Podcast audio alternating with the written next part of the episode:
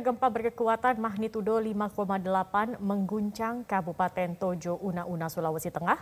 Warga langsung mengungsi ke daerah pegunungan karena khawatir air laut akan naik. Tojo Una-Una mulai membangun tenda pengungsian di daerah pegunungan Desa Labuan, Kecamatan Ratolindo, Kabupaten Tojo Una-Una. Mereka mengungsi dengan membawa sejumlah barang keperluan mereka. Mereka mengaku menuju dataran tinggi karena takut air laut naik, meski menurut BMKG, gempa dengan kedalaman 10 km itu tidak berpotensi tsunami. Akibat gempa sejumlah bangunan rumah warga rusak dan pagar beton kantor Balai Taman Nasional Kepulauan Togean juga rubuh. Sementara gempa yang mengguncang wilayah Tojo Una-Una juga turut dirasakan di Kabupaten Poso, Ampana, hingga Kota Palu. Hingga kini polisi belum juga menemukan pelaku pembunuhan ibu dan anak yang ditemukan di bagasi mobil beberapa hari lalu. Penyidik masih mengevaluasi barang bukti dan masih memeriksa beberapa saksi.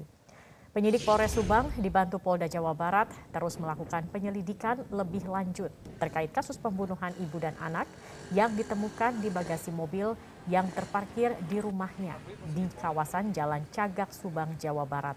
Saat ini penyidik terus mengumpulkan temuan barang bukti yang ada di TKP dan sekitarnya untuk dievaluasi lagi dan disinkronkan dengan keterangan saksi. Humas Polda Jawa Barat, Kombes Polisi RD Acaniago. Sejauh ini saksi yang telah dimintai keterangan sebanyak 20 orang, baik yang ada di sekitar TKP dan orang terdekat. Hari ini pemerintah melalui Satgas BLBI menjadwalkan memanggil seluruh obligor dan debitur untuk menyelesaikan tunggakan utang bantuan likuiditas Bank Indonesia atau BLBI dengan total utang sebesar 111 triliun rupiah.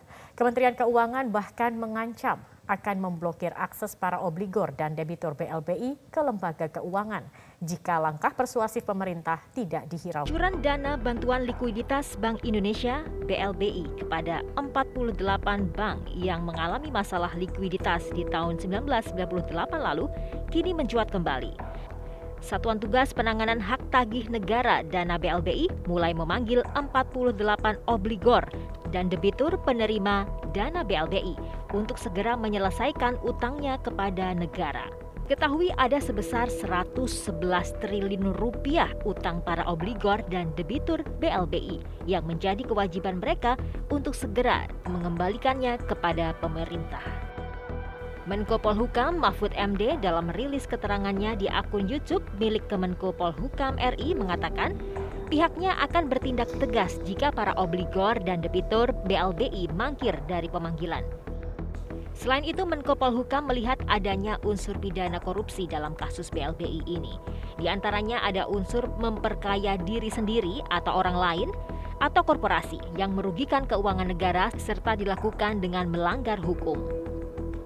Karenanya Mahfud mengimbau agar para obligor dan debitur bersikap kooperatif. Pemerintah pun memberi batas waktu hingga Desember tahun 2023 dan berharap semua tunggakan utang bisa selesai sebelum tenggat waktu tersebut. Kooperatif. Kita akan tegas soal ini karena kita diberi waktu oleh negara, oleh presiden tidak lama. Diberi waktu sampai Desember 2023 kita akan laporkan nanti sampai mana ini selesainya. Mudah-mudahan bisa selesai sebelum itu. Kalau selesai sebelum itu ya bagus. Mungkin nanti akan akan ada efek Sementara itu Menteri Keuangan Sri Mulyani Indrawati mengatakan pemerintah sangat menyambut baik jika para obligor, debitur, dan keturunannya memiliki upaya dan niat baik untuk menyelesaikan utangnya. Menkeu menegaskan akan memblokir akses para obligor dan debitur BLBI ke lembaga keuangan jika langkah persuasi pemerintah ini tidak dihiraukan. Kami akan mengeksekusi melalui PUPN. Kalau itu juga belum, kita akan bekerja sama dengan Bank Indonesia dan OJK eh, agar tadi akses mereka terhadap lembaga-lembaga keuangan bisa dilakukan eh, pemblokiran. Uh, ini adalah sesuatu yang bisa kita juga lakukan karena nama-nama mereka jelas, perusahaannya mungkin dulu ada dan oleh karena itu tadi aset tracingnya menjadi penting dan kemudian obligasi atau uh, uh, kewajibannya bisa diidentifikasi. Tunggakan dana BLBI ini mencuat kembali setelah munculnya informasi pemanggilan Satgas BLBI terhadap salah satu debitur BLBI atas nama PT Timur Putra Nasional dengan Tommy Soeharto sebagai penanggung jawabnya. Putra bungsu almarhum Presiden Soeharto ini ditengarai memiliki tunggakan utang BLBI sebesar 2,612 triliun rupiah. Pemerintah pun menegaskan tidak hanya Tommy Soeharto yang wajib hadir, namun seluruh obligor dan debitur BLBI harus hadir memenuhi panggilan Satgas BLBI. Tim Liputan Metro TV. Sejak Rabu 25 Agustus 2021, Mabes Polri resmi menahan YouTuber Muhammad KC atas dugaan penistaan agama. KC kini ditahan di rumah tahanan Bares Krim Polri. Reporter Humaira Balkis akan melaporkan perkembangannya langsung dari Mabes Polri Jakarta. Apa sebenarnya motif dari Muhammad KC atas pernyataannya yang dianggap telah menistakan agama Islam tersebut dan hingga kapan KC akan ditahan? Penum di Fumas Polri, Kombes Pol Ahmad Ramadan. Hingga saat ini polisi masih melakukan pendalaman untuk mengetahui motif dari Muhammad KC atas produksi dan unggahan video pada kanal YouTube yang diduga mengandung unsur penistaan agama.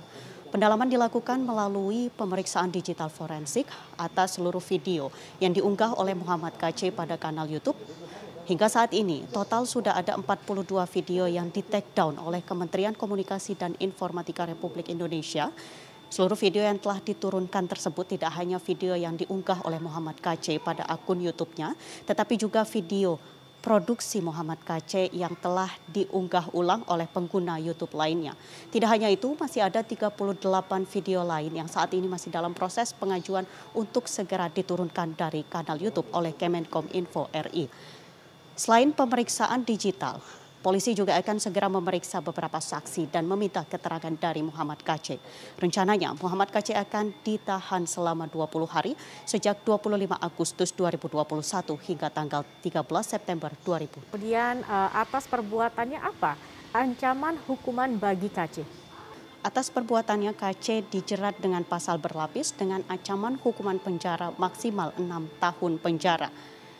Kaca diduga telah melakukan ujaran kebencian berdasarkan SARA dengan jeratan hukuman telah melanggar pasal 28 ayat 2 Jungto pasal 45A ayat 2 Undang-Undang ITE Jungto pasal 156A ayat 2. Pemirsa surat telegram Kapolri bertanggal 25 Agustus 2021 menyatakan Irjen Polisi Eko Indra Heri dicopot dari jabatannya sebagai Kapolda Sumatera Selatan.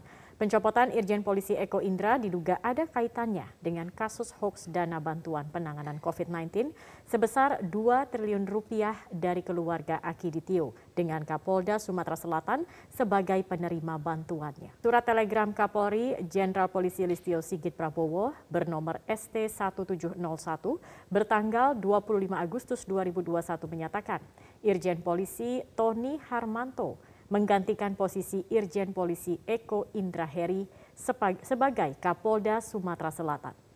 Pergantian jabatan Kapolda Sumatera Selatan ini diduga tidak terlepas dari munculnya kasus bantuan fiktif sebesar 2 triliun rupiah untuk penanganan COVID-19 di Sumatera Selatan dari keluarga Akiditio yang diterima langsung oleh Kapolda Sumatera Selatan pada 26 Juli 2021 lalu.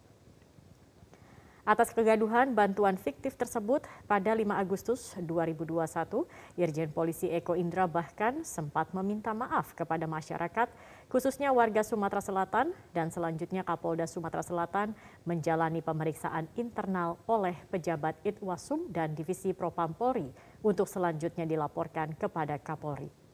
Namun Karopenmas Polri Brigjen Polisi Rusdi Hartono menilai terjadinya mutasi di tubuh Polri merupakan hal yang lumrah Selanjutnya, Irjen Polisi Eko Indra Heri akan bertugas sebagai koordinator staf ahli Kapolri di jabatan baru. Ini sesuatu yang lumrah terjadi. Mutasi merupakan kebutuhan daripada organisasi. Ya. Kedua, mutasi juga merupakan bagian bagaimana pembinaan karir ini berjalan di organisasi. Ketiga juga dari mutasi tersebut bagaimana organisasi bisa mengoptimalkan tugas-tugas kepolisian yang sekarang ini semakin kompleks dan semakin dinamis. Jadi hubungannya dengan Kapolda Sumsel ini sesuatu yang biasa terjadi. Ini bagian dari pembinaan karir dan yang bersangkutan pun mendapat jabatan ya sebagai koordinator staf. Petugas Ditkrimum Polda Sumatera Selatan telah memeriksa anak bungsu Akiditio Herianti terkait laporan kasus dugaan penipuan dan penggelapan uang senilai 2,5 miliar rupiah milik rekan bisnisnya. Sementara kasus utama seputar hoax dana bantuan senilai 2 triliun rupiah, Herianti masih berstatus sebagai terperiksa. Tim penyidik terpaksa mendatangi kediaman Herianti di Jalan Tugu Mulyo Ilir Timur 1, Kota Palembang lantaran kondisi Herianti masih dalam keadaan sakit. Kali ini polisi memeriksa Herianti anak bungsu Akiditio sebagai terlapor dalam kasus dugaan penipuan dan penggelapan investasi ekspedisi senilai 2,5 miliar rupiah. Polisi juga telah memeriksa Siti Mirza Nuriyah sebagai pelapor yang juga rekan bisnis Herianti. Usai pemeriksaan nantinya polisi akan melakukan gelar perkara guna menentukan status Herianti dalam kasus penipuan kepada rekan bisnis. Oleh Pak Dirjen mungkin dalam waktu dekat penyidik akan melakukan gelar perkara untuk meningkatkan uh, status daripada uh, berkasnya, apakah dinaikkan ke penyidikan atau memang tidak cukup uh, laporan diberikan. Jadi eh, hari ini masih ada pemeriksaan sampai dengan besok. Kemungkinan besar setelah itu akan dilaksanakan gelar perkara oleh Ditkrim Um. Sebelumnya pada 3 Agustus 2021 lalu, Siti Mirza Nuriyah melaporkan rekan bisnisnya, Herianti, ke polisi terkait penipuan investasi bisnis ekspedisi yang ditawarkan Herianti. Pelapor mengaku telah memberi setoran awal sebanyak 400 juta rupiah kepada Herianti dengan total dana investasi kepada Herianti mencapai 1,8 miliar rupiah. Pelapor pun meminta Herianti membayar semua uang yang telah diinvestasikannya karena Herianti dinilai telah gagal memenuhi kewajiban seperti di perjanjian awal usaha mereka. Sementara untuk kasus dugaan penipuan dana bantuan penanganan COVID-19 sebesar 2 triliun rupiah, kini pihak kepolisian masih mendalami kasusnya. Herianti masih berstatus sebagai terperiksa dan kemungkinan pada pekan depan kasusnya akan kembali diperiksa sambil menunggu membaiknya kondisi kesehatan Herianti. Pasca bentrokan antara dua kelompok pendukung Sultan di Keraton Kasepuhan Cirebon, kedua kubu berencana melaporkan kasus ini ke polisi. Untuk mencegah kericuhan susulan, petugas kepolisian masih disiagakan di lingkungan Keraton Kasepuhan. Jawa Barat terus memanas menyusul terjadinya bentrokan di lingkungan Keraton Kasepuhan Cirebon pada 25 Agustus 2020 lalu. Kini kedua kubu berencana melaporkan kasus ini ke polisi. Konflik di Keraton Kasepuhan Cirebon dipicu dualisme kepemimpinan. Saat ini ada dua sultan yang mengaku sebagai pemimpin sah Keraton Kasepuhan. Pertama, Pangeran Raja Adipati atau PRA Lukman Zulkaidin yang diangkat menjadi Sultan Sepuh ke-15 Keraton Kasepuhan pada 30 Agustus 2020 dan kedua Raharjo Jali yang diangkat menjadi Sultan Sepuh ke-15 oleh Dewan Kelungguhan bergelar Sultan Aloeda II pada 18 Agustus 2021. Akar kekisruhan kepemimpinan di Keraton Kasepuhan dipicu anggapan adanya salah satu sultan yang bukan merupakan keturunan asli Sunan Gunung Jati. Pihak Sultan Aluda II pun menantang PRA Lukman Zulkaidin untuk tes DNA guna memastikan siapa penerus sah Keraton Kasepuhan. Ini kasih kami sudah lakukan dari sejak dulu. Semasa masih siapa? Saudara Arif itu menjadi sultan di sini. Ya. Bahkan saya menantang semuanya keluarga itu untuk kita tes DNA aja deh. Daripada kita iyal-iyal. Sementara itu pihak PRA Lukman Zulkaidin menilai pelantikan perangkat kesultanan yang dilakukan Sultan Sepuh Aloeda II, Raden Raharjo Jali pada 25 Agustus 2021 sebagai tindakan ilegal dan akan melaporkannya. Karena kegiatan ini tanpa izin Sultan Sepuh. Karena Keraton Kesepuhan itu Sultan hanya satu. Tidak ada Sultan dua. Jadi semua aktivitas kegiatan yang ada di Keraton Kesepuhan harus sepengetahuan Sultan Sepuh Lukman Zulkaidin. Itu. Saya di sini sebagai kepala badan pengelola keraton kesepuhan. Berhak untuk menegur mereka. Karena tidak ada pemberitahuan Suasana keraton Kasepuhan saat ini sudah aman, namun petugas kepolisian tetap disiagakan di lingkungan keraton untuk mengantisipasi terjadinya bentrokan susulan.